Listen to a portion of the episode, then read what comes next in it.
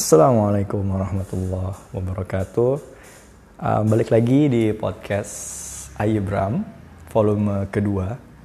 Um, kalau kemarin di volume pertama itu tentang pembukaan, di mana saya jelasin uh, apa motif dibalik saya membuat atau memulai serial podcast, insya Allah ke depan, um, dan kenapa saya mulai uh, ingin merutinkan sharing uh, lewat podcast. Selain karena lebih mudah untuk um, apa namanya menyampaikan dan sekarang juga tren podcast lebih lumayan meningkat dibanding tahun-tahun sebelumnya. Tidak ada salah kita sharing ilmu lewat podcast. Itu kalau nggak salah uh, summary di podcast volume pertama kemarin. Silahkan dicek lagi teman-teman Anyway, volume kedua itu kemarin janjinya memang saya akan membahas tentang merantau. Uh, berdasarkan pengalaman pribadi yang sudah hampir kurang lebih 6 7 tahun ya dari 2012. Uh, enggak dong, berarti sekarang 2020 udah 8 tahun. Uh, merantau di Pulau Jawa um, dan apa aja lesson learned sebenarnya di kehidupan anak rantau itu kayak gitu. Jadi awalnya sebenarnya berkenalan dan kenapa mau merantau itu pertama kali nggak sengaja juga waktu tahun 2011 kalau tidak salah itu waktu masih siswa di SMK di Palu. Jadi anak atau saya dulu uh, kuliah uh, apa namanya sekolah di SMK STM di Kota Palu, Sulawesi Tengah. Di situ um, ada namanya praktek kerja industri, prakerin kalau nggak salah ya dulu namanya prakerin. Itu di mana kita ditempatkan di lembaga atau institusi untuk kita bisa merasakan pengalaman uh, dunia kerja real, real itu seperti apa. nah makanya uh, tahun 2011 angkatan saya berangkat ke Cimahi di Jawa Barat.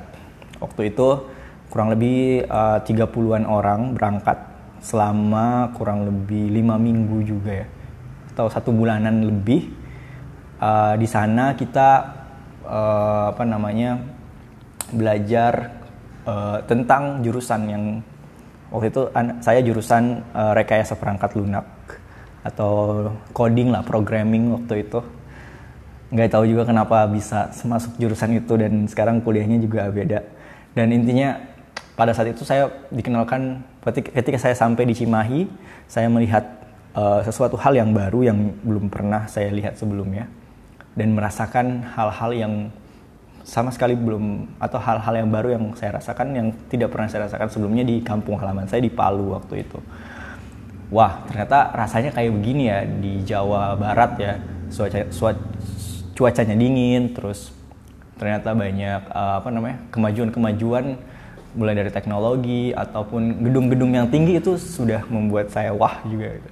merasa keren juga kalau misalnya uh, bisa tinggal di sini dan bisa apa namanya bisa mandiri lah waktu itu motifnya nah itulah pertama kali saya berniat merantau.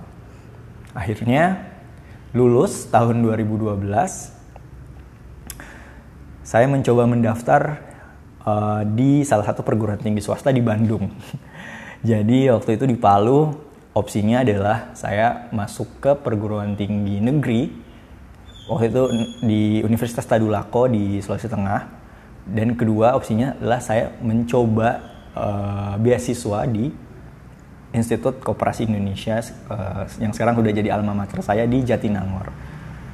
Dan karena sudah mulai uh, merasa saya harus merantau atau saya harus bisa hidup mandiri, motivasi inilah yang akhirnya membuat saya mencoba, padahal waktu itu belum dapat beasiswanya, mencoba untuk mendaftar ke luar kota Sulawesi itu, di, di luar kota Palu untuk coba menimba ilmu di Pulau Jawa. Akhirnya, alhamdulillah uh, Bismillah waktu itu saya dilolos saya lolos uh, beasiswa di kampus Kopin di Jatinangor. Full beasiswa walaupun masih harus dengan uh, apa namanya ya biaya kos biaya makan itu masih tanggung sendiri tapi biaya pendidikannya alhamdulillah waktu itu full. Thanks to perusahaan swasta yang sudah mensponsori dan uh, di situlah mulai uh, lebih lengkap lagi pengalaman merantaunya di tahun 2012 itu. Nah, uh, poin-poin yang ingin saya sharing sebenarnya adalah dengan merantau itu sebenarnya akan banyak sekali manfaat yang akan kita dapatkan uh, bukan hanya apa namanya jalan-jalannya atau bisa melihat apa tadi yang seperti saya sebelum, sebutkan sebelumnya seperti melihat hal-hal baru atau merasakan hal-hal baru. Tapi dari segi uh, karakter kita dan juga mindset kita itu akan lebih berkembang ketika kita melihat atau kita keluar dari zona nyaman kita yang mana adalah kampung halaman kita yang saat itu adalah saya di Palu yang waktu itu dari SD sampai ya dari TK bahkan sampai SMA itu di sana dan hanya tahu lingkungan itu itu saja. Nah ketika saya pertama kali datang ke Jatinangor waktu itu di Bandung coret lah ya di Bandung saya merasakan banyak sekali pengalaman-pengalaman hidup yang saya rasakan selama menjadi mahasiswa di sana. Uh, pertama saya bisa apa namanya bisa kenal orang lebih banyak. Bukan hanya di Jawa Barat waktu itu banyak juga mahasiswa-mahasiswa dari luar Jawa ada yang juga dari Sulawesi juga.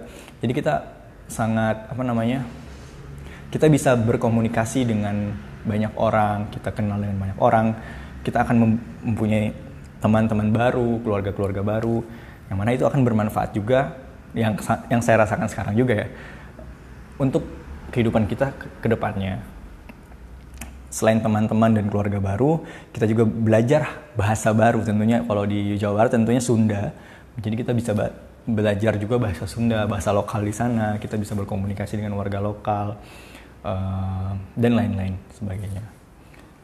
Dan mindset sih yang jadi paling poin paling penting adalah mindset ketika sudah bisa open mind open minded kita nggak punya stereotip sama satu suku tertentu atau uh, apa namanya satu kelompok tertentu. Tapi ketika kita merantau kita lebih terbuka. Oh ternyata budaya kayak gini kayak itu seperti ini. Jadi kita lebih lebih open minded tidak tidak apa namanya istilahnya sekarang bigot ya atau hanya uh, hanya apa namanya hanya terpaku hanya di satu budaya tertentu yang dan dia tidak dan dia menolak menolak uh, perbedaan. Itu sebenarnya banyak sekali eh, manfaat-manfaat dari segi mindset. Kemudian tentunya di merantau kita akan hidup mandiri dan kita akan berusaha bagaimana bisa bertahan hidup survive dengan duit seadanya. Waktu itu kiriman orang tua hanya ya sangat-sangat terbatas. Kita akan belajar entrepreneurship juga untuk berdagang kita akan belajar uh, bagaimana menempa diri, belajar mengatur waktu. Uh, dan yang saya kira itu tidak akan bisa kita dapatkan kalau kita hanya di rumah, maksudnya dengan keluarga uh, kita dan hanya mengandalkan misalnya uh, makan makan sudah disiapkan atau uang jajan udah udah udah selalu tersedia. Nah itu tidak akan melatih kita untuk uh, mandiri, untuk tidak tidak ter apa tergantung sama orang lain. Jadi saya sih sangat merekomendasikan mungkin buat teman-teman yang ingin melanjutkan perguruan tinggi, cobalah cari dari keluar dari zona nyaman, coba untuk explore dunia luar, akan banyak sekali manfaat-manfaat yang teman-teman akan berterima kasih dengan pengalaman-pengalaman itu seperti yang saya rasakan sekarang network saya yang membawa saya sampai ke pekerjaan saya sekarang di Jakarta dan ya mungkin minusnya juga kita akan pulang akan lebih sering merasakan rindu. Ya begitulah. Tapi rindu itu uh, bisa terbayarkan nanti ketika teman-teman misalnya setiap lebaran pulang.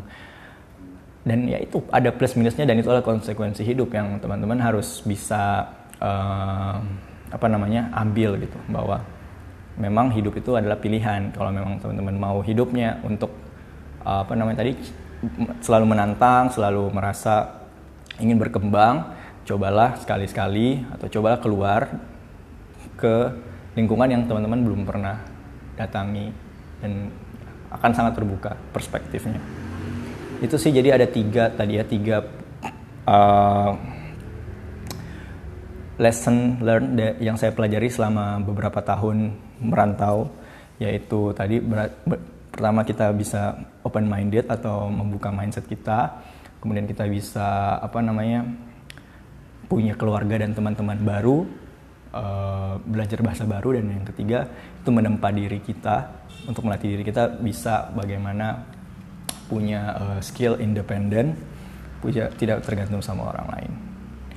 Oke mungkin itu podcast uh, volume kedua tentang merantau. Padahal sebenarnya mau 10 menit aja tapi kayaknya sudah lewat. Uh, mungkin teman-teman punya saran topik apa yang ingin dibahas atau uh, ingin kita diskusikan. Silakan uh, di komen di platform yang teman-teman sedang dengerin sekarang atau kirim email ke aibram@gmail.com. Oke, terima kasih sudah mendengarkan. Sampai jumpa lagi di volume 3 insya Allah. Assalamualaikum warahmatullahi wabarakatuh.